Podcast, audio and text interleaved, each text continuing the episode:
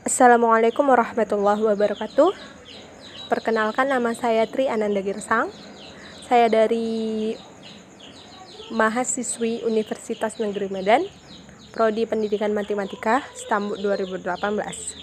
Nah, pada kesempatan kali ini saya akan bercerita mengenai uh, dampak COVID yang kita rasakan ya kan. Bukan dampaknya aja, tapi hikmah di balik wabah ini. Assalamualaikum warahmatullahi wabarakatuh. Halo dunia, halo teman, apa kabar? Apakah membosankan atau malah bingung karena nggak bisa ngapa-ngapain? Ya, kita harus terima, karena bagaimanapun kita harus tetap bersyukur karena bisa hidup hingga detik ini walaupun aktivitas dan rutinitas kita terbatas dan berbeda jauh dari yang sebelumnya. Dan tetap selalu optimis bahwa wabah ini akan segera berlalu. Seperti yang kita ketahui bersama, dunia seakan berhenti.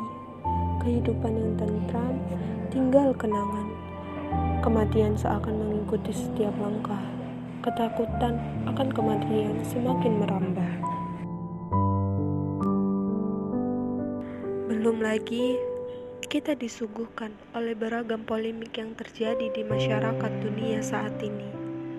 Tak terkecuali di negara kita sendiri telah terjadi beragam problematik dari kontradiksi-kontradiksi masyarakat, kemunculan teori-teori konspirasi, bahkan berita hoaks yang terkadang buat kita bingung dan membuat kita cemas di situasi dan kondisi saat ini.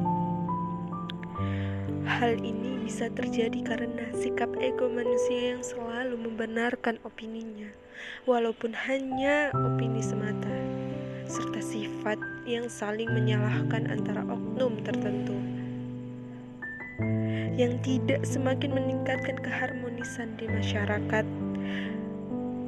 Pada situasi saat ini, bukan saatnya untuk saling menyalahkan.